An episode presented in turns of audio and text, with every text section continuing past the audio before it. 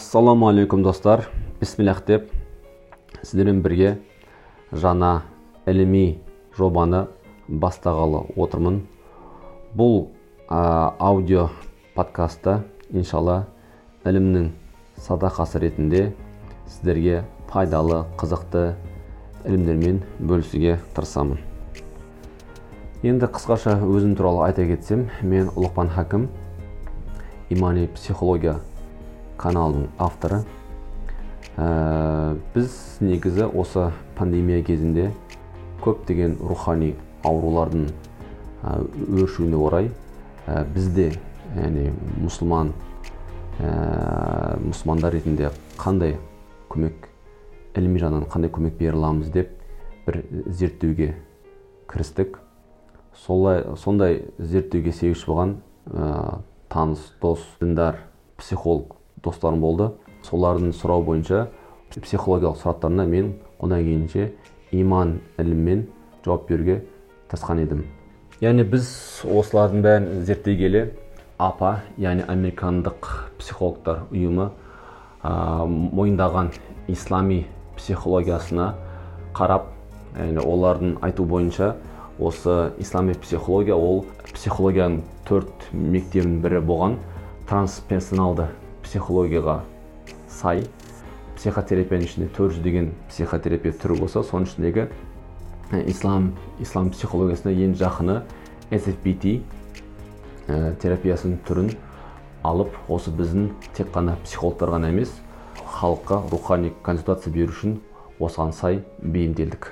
Енді осы үш тәпсір бойынша рухани консультация кезінде солардың теориясы ретінде бірінші болып адамды тәпсірлейтін адам дегенде адамның ішкі жан дүниесін адамның сезімдерін адамның сырлы дүниесін мотивтерін әдемі притча ретінде тәпсірлейтін алты томдық парша жазылған мәулана румидің мәснәви шериф немесе мәснәви маневи деп аталатын осы ә, еңбекті ә, еңбектің методикасын ә, балаларға көбінесе методика ретінде алдық. Одан кейін ә, иман иә айттық бағанағы ілімдердің патшасы иман ілімі. Бұл заманда адамдардың ең үлкен проблемасы имани жағынан проблемалар бар. Иман мәселесін әрине тек қана шеше алатын ол құран тек қана құран. Енді осы құранды бұл заманға сай әдемі имани мәселелерді негізделген адамды қалай сүйіну керек қалай қандай сенімді көзқараста болу керек қандай ілім керек осыны әдемілеп жіктеп беретін османша жазылған сайд нурсидің рисале нур деген еңбегі. Біз осыны өзімізге имани психологияның негізі теориясы ретінде алдық. Енді үшінші ол қоғам. Қоғам деген не? Ол адамдар ғой адамдардың ә, жиынтығы.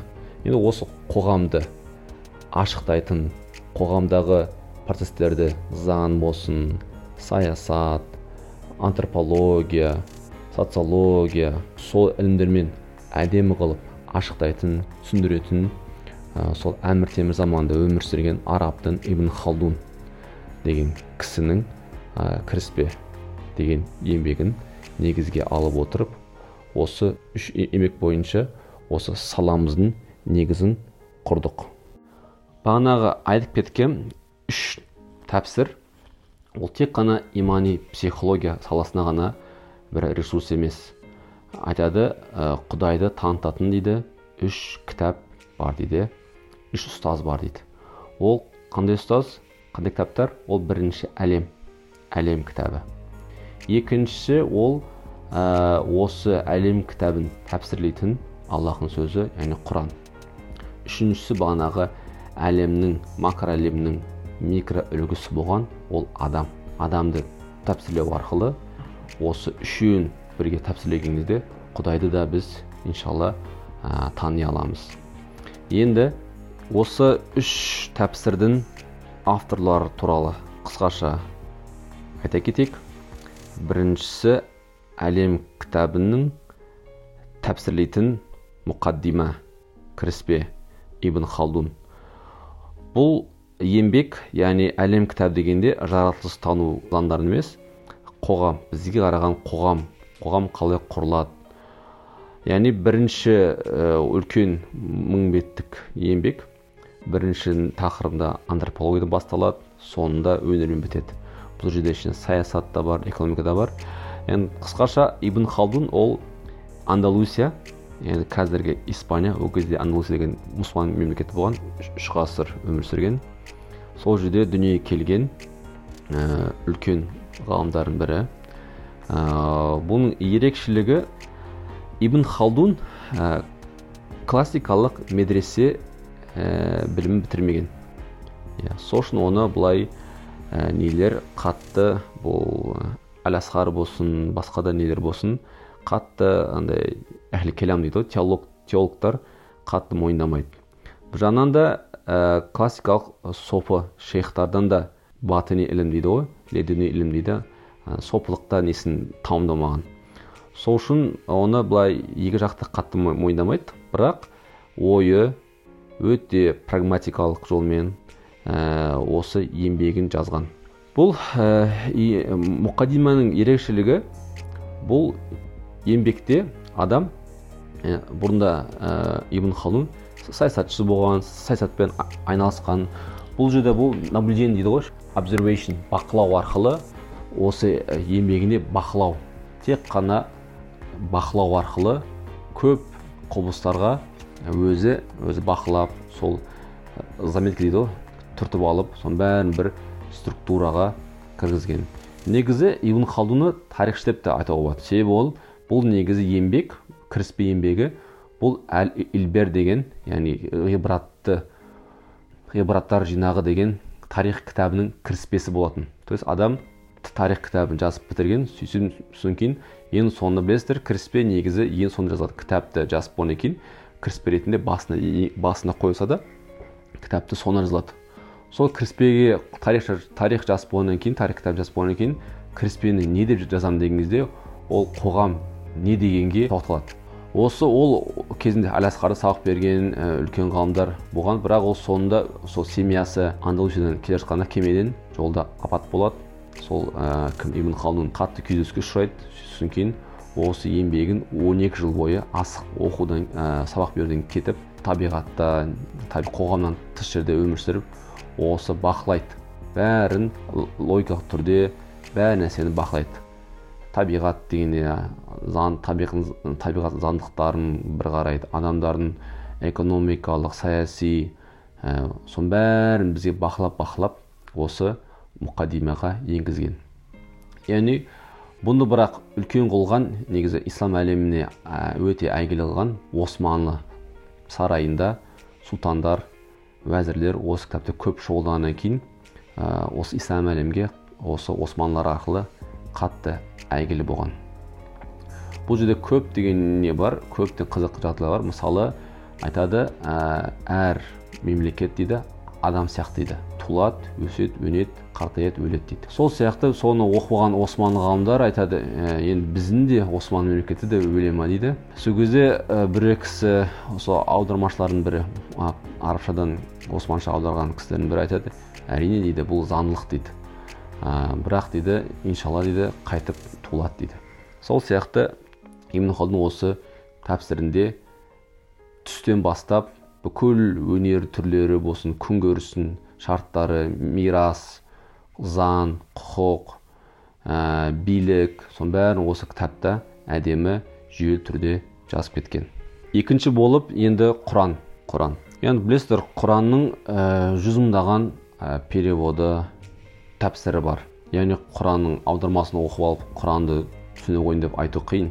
Құран өте сырлы әр әрпі әр сөздерін өзін қолдану несі байлығы өте өте кең бірақ құрансыз болмайды. Яғни біз мұсылман болғаннан кейін әлем әлемді дұрыс түсіну үшін өзімізді түсіну үшін міндетті түрде құран шарт. Бұл заман бұрынғы заманға ұқсамайды. Иә. Енді біз осы акцент имандылыққа беру керек. Бәрі айтады иманды арттыру керек иманды арттыру керек деді бірақ адамда қазір сол иман әлсіздігінен басқа да көптеген психологиялық тұрғыда болсын көптеген қоғамдық өзгерістер осы иман әлсіздігінен алып келеді. Иман ілімі туралы ә, осы құраннан алып бізге құран сырларын ашқан жүз жыл бұрын примерно жүз жыл бұрын жазылған тәпсірлердің бірі ол рисали рисали нұрдың яғни бізге ә, психологияға яғни ислам психологиясына имани психологияға қараған жағы бұл жерде біз ә, тағдыр деген не таңдау деген не рух деген не үнемділік деген не эгоизм деген не уәсуәса деген не ауру деген не адам деген не өмір деген не өлім деген не деген сияқты бәріне құраннан ашықтап бізге түсініп берген ғалымдардың бірі ол сайд нұрси. Біз де осы терапиямызда болсын теориямызда болсын тақырыптарды жинақтан алып консультация рухани консультация берер кезде міндетті түрде қолданамыз. Үшінші тәпсір ретінде біз алғанбыз мәснәуи шариф хазірет жәлеледдин яғни оның прозвищесі ғой. Ол ә, негізі қорасанда үлкен ұстаздарға мәулана дейді. Сүйікті деген мұғалім деп кісілерге мәулана дейтін.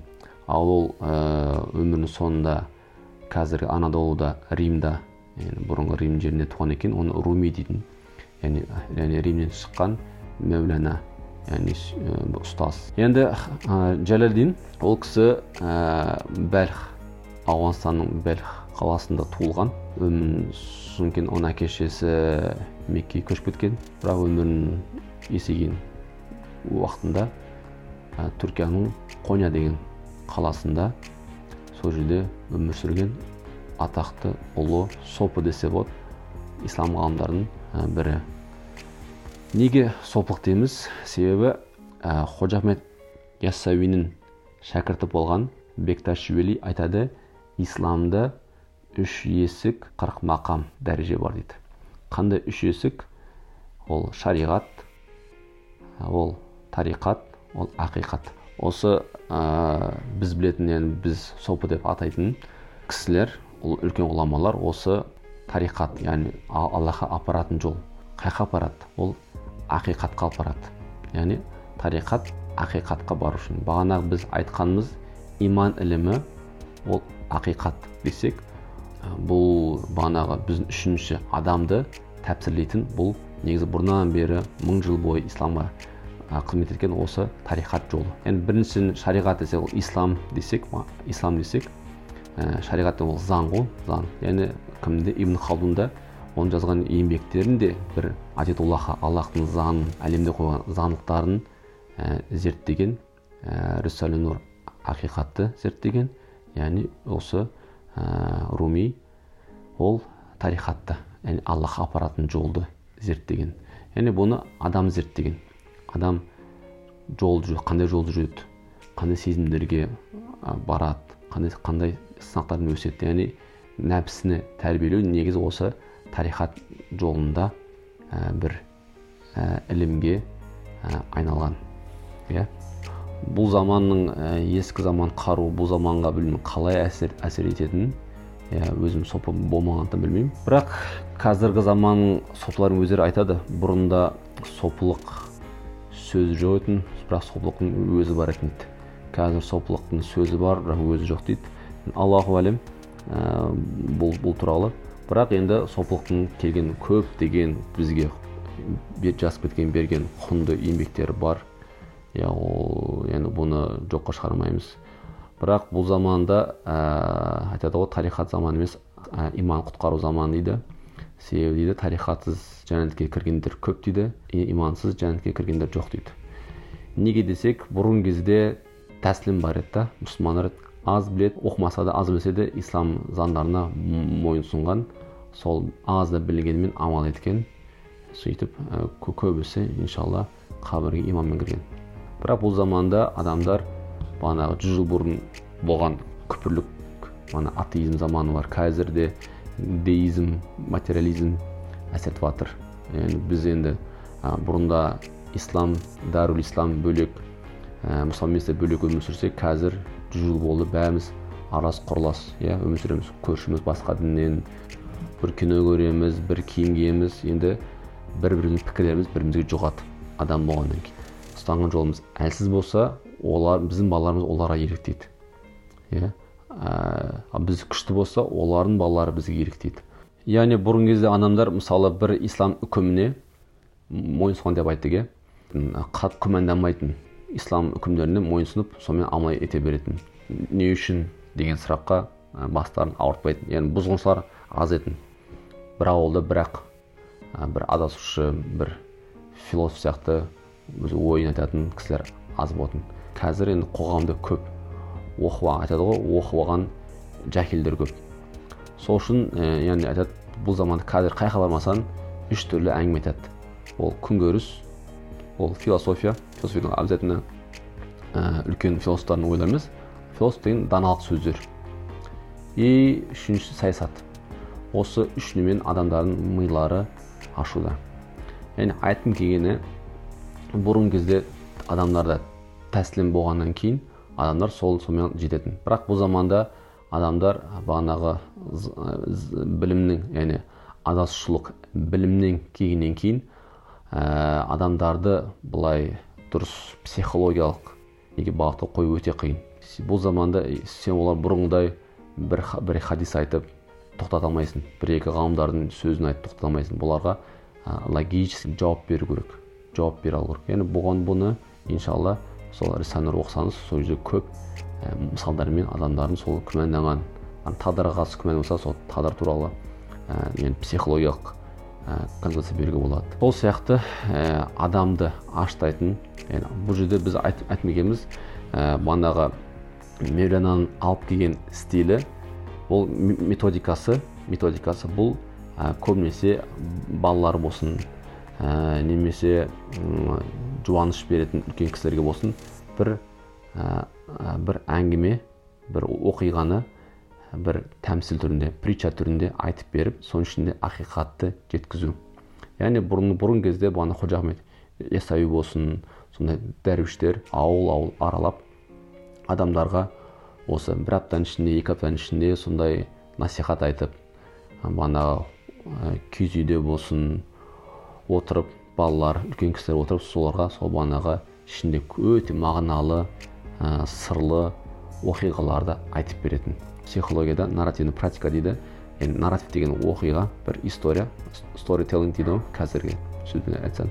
Яғни бір оқиғаны айтып береді бір жиналған қауымға. Ол жердегі балалар оларға ол ертегі сияқты. Қызық қызық дейді да күліп неғылып мағынасын алады. Сол сияқты үлкен кісілерді бұл оқиға притча ретінде қарайды да а осы болды екен деп яғни әркім өзінің үлесін алатын.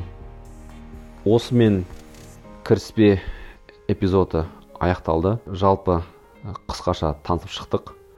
Енді келесі эпизодтарда құдай қаласа қонақтарды да шығарып қаламыз. Ары қарай осы үш тәпсірді қолдана отырып пайдалы да қызықты да темаларды аша отырып сіздермен бөлісерміз жақсылықта кездескенше ассалаумағалейкум